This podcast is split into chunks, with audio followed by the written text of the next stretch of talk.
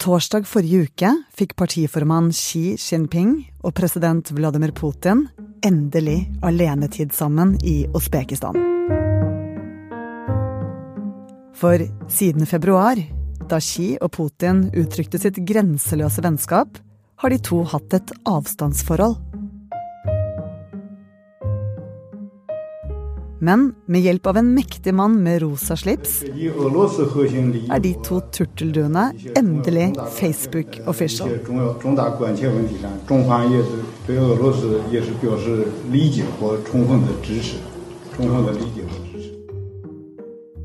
Hvorfor har Xi valgt å godkjenne forholdsforespørselen akkurat nå? Og er det egentlig så big deal?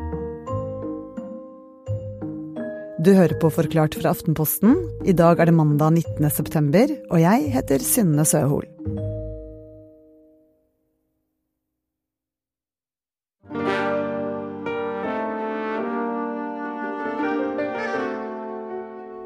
Sånn.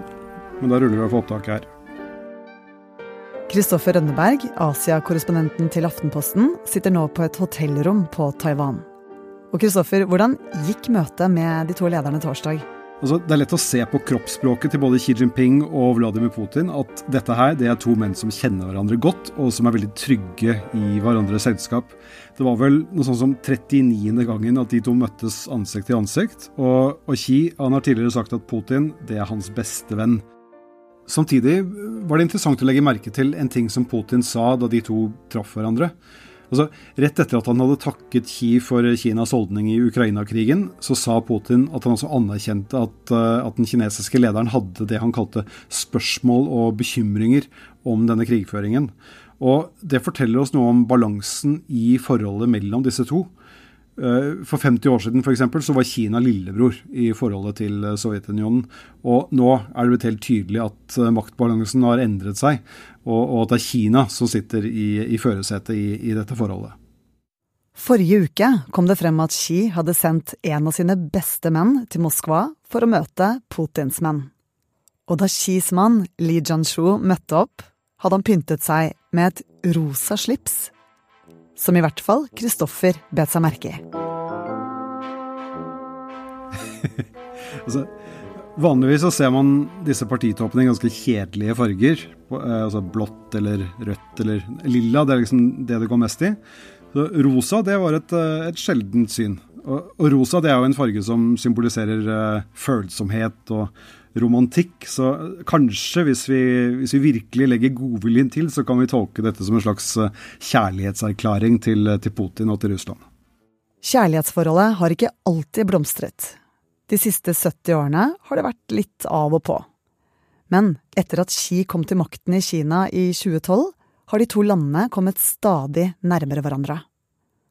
Under OL i Beijing i starten av februar erklærte de to landene et grenseløst vennskap og da Russland invaderte Ukraina, ble det tydelig hvor Kina sto.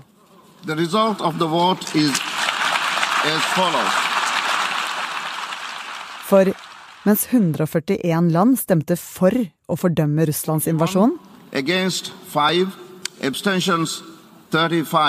var Kina ett av de 35 landene som valgte å stemme blankt. En blank stemme det er også en indirekte støtte til, til Russland.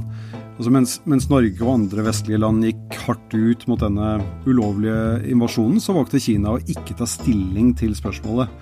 Og De var nok nærmere å stemme mot enn å stemme for, men å stemme mot det ville blitt veldig kostbart for dem. for da, da, ville nok USA og andre ha reagert ved å innføre sanksjoner og, og andre former for, for, straff mot Kina. Så det var kanskje ikke så sjokkerende at de valgte å stemme blankt, fordi da kunne de liksom si at de, de satt på gjerdet og, og bare så på. Både Kina og Russland har beveget seg i stadig mer autoritær retning de siste årene. Spesielt Kina er blitt et mer totalitært diktatur. Men også i Russland er friheten blitt strammet kraftig inn. Russia's parliament on Friday passed a law. Russia has now made it illegal to disagree with its version. A journalist can be jailed for 15 years. There's no such thing as media in Russia anymore. There's only I tillegg har begge landene til felles at de ser på seg selv som en motvekt til Vesten. Spesielt USA og Nato.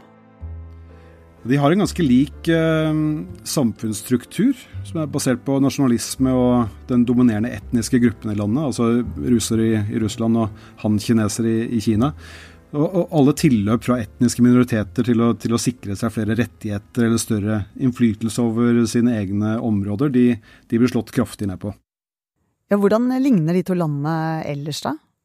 Russland og Kina har jo også en del historiske trekk som gjør at de ligner på hverandre. Bl.a. at uh, begge landene er tidligere monarkier som, som hadde sin storhetstid på, på, på 1800-tallet.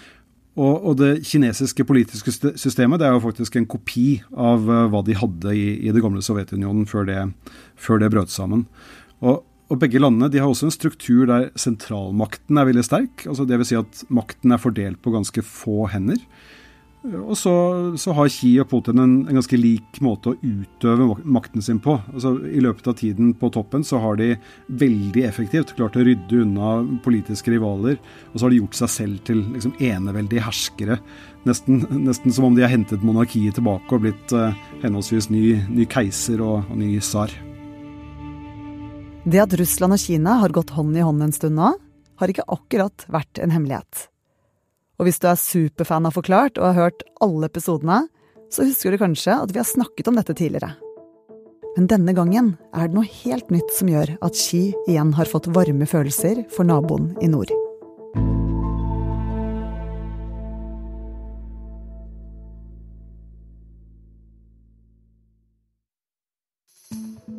Da Li Jianshu, altså han mektige partitoppen med, med, med, det rosa slipset, da han dro til Moskva i, i, forrige uke, så hadde han med seg et budskap som må ha fått Putin til, til å juble.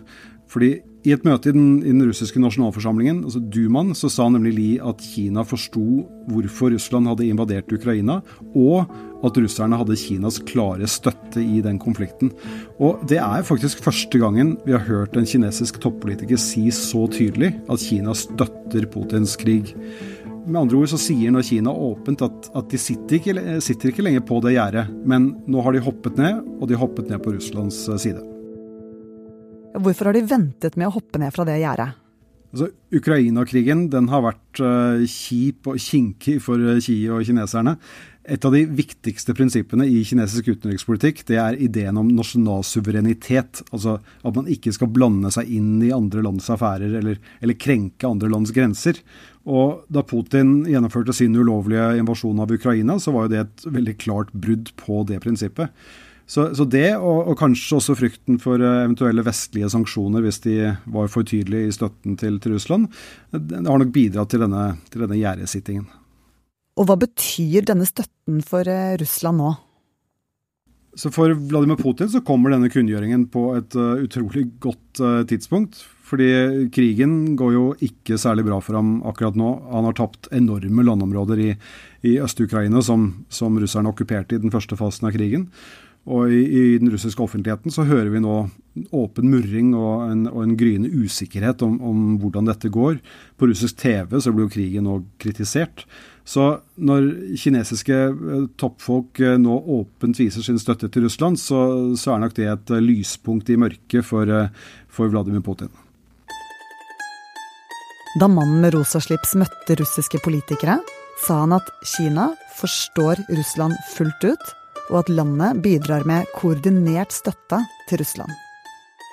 Altså denne ordbruken 'vi forstår Russland, vi vil bidra med koordinert støtte', det, det er en veldig veldig tydelig ordbruk og, og indikerer hvor Kina, hvor Kina er på vei. Men vi vet ikke helt hva, hva de mener med det. altså i Hvor stort omfanget av denne støtten skal være. altså Hva, hva slags støtte skal de gi, utover å, støtte med ord? Skal de, skal de gi materiell til Russland? Skal de, skal de, hjelpe dem på andre måter? Det, det vet vi jo foreløpig ikke. Og hvorfor har Kina valgt å støtte Russland akkurat nå? Jeg tror i hvert fall at det er minst to ting som, som vi kan ha i mente. Altså for, for det første så skal Xi Jinping velges, eller utnevnes, eh, til en ny femårsperiode som partileder eh, i, i oktober.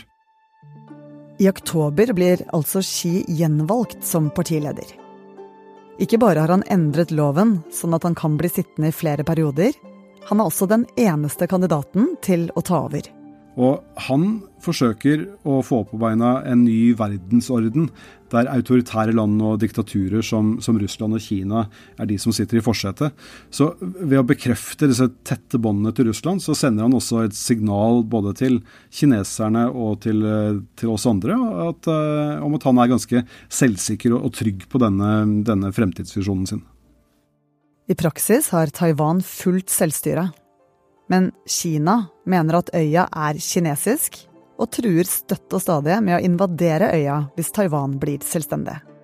Det spente forholdet mellom Taiwan og Kina tilspisset seg da den amerikanske politikeren Nancy Pelosi landet på Taiwan i sommer. When you say that I'm a good friend of Taiwan, I take that as a great compliment, but I receive it on behalf of my colleagues.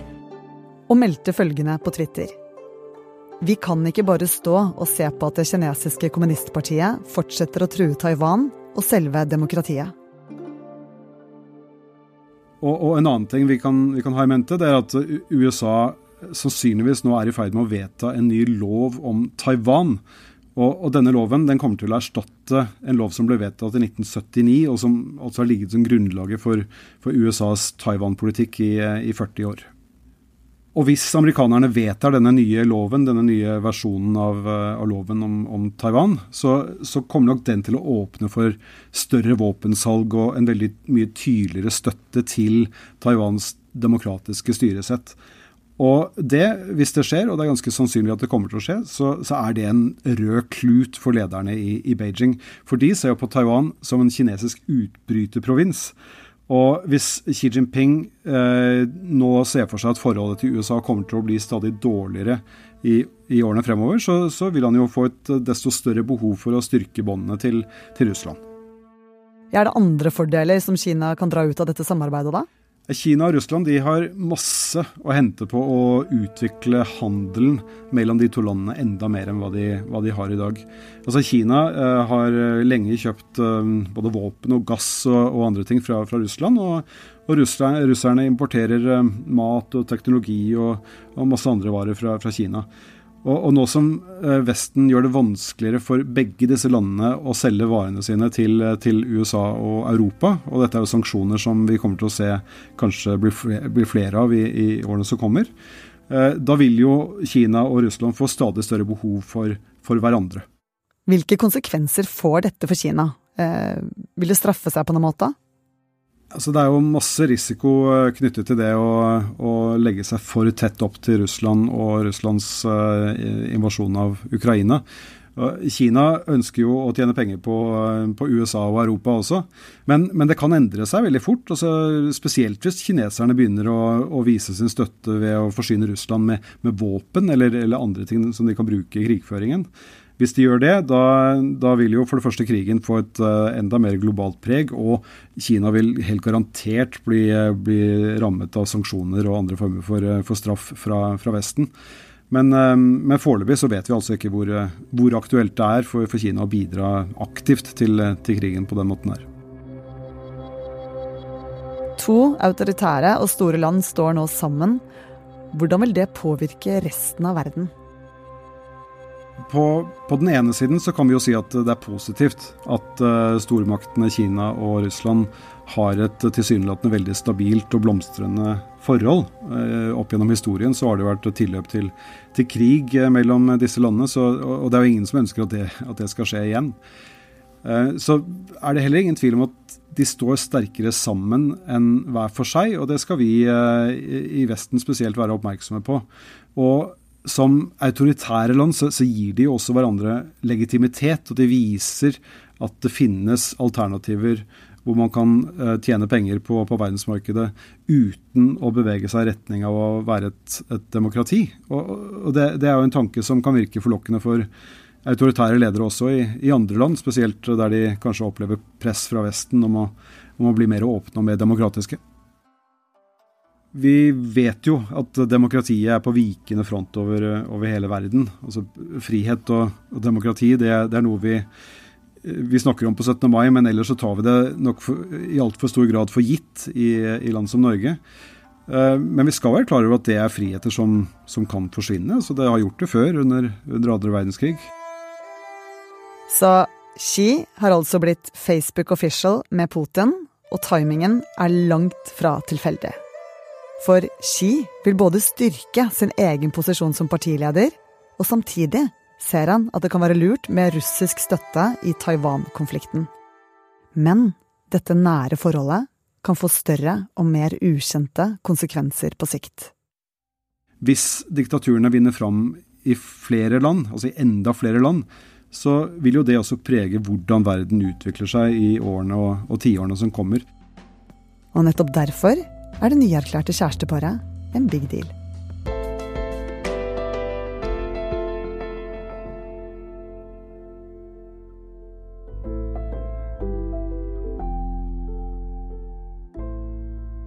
I denne episoden har du hørt korrespondent Kristoffer Rønneberg fortelle om det russisk-kinesiske forholdet. Det er produsent Jenny Førland og meg, Synne Søhol, som har laget denne episoden. Lydklippene er fra nyhetsbyrået AP, CBS og Reuters. Og resten av Forklart er Anders Weberg, David Vekone, Marit Eriksdatter Gjelland, Anne Lindholm og Fride Næss Nonstad. Og du? Husk at Forklart kommer med en ny episode hver ukedag der vi forklarer én nyhetssak. Tips gjerne en venn om oss hvis du liker det du hører.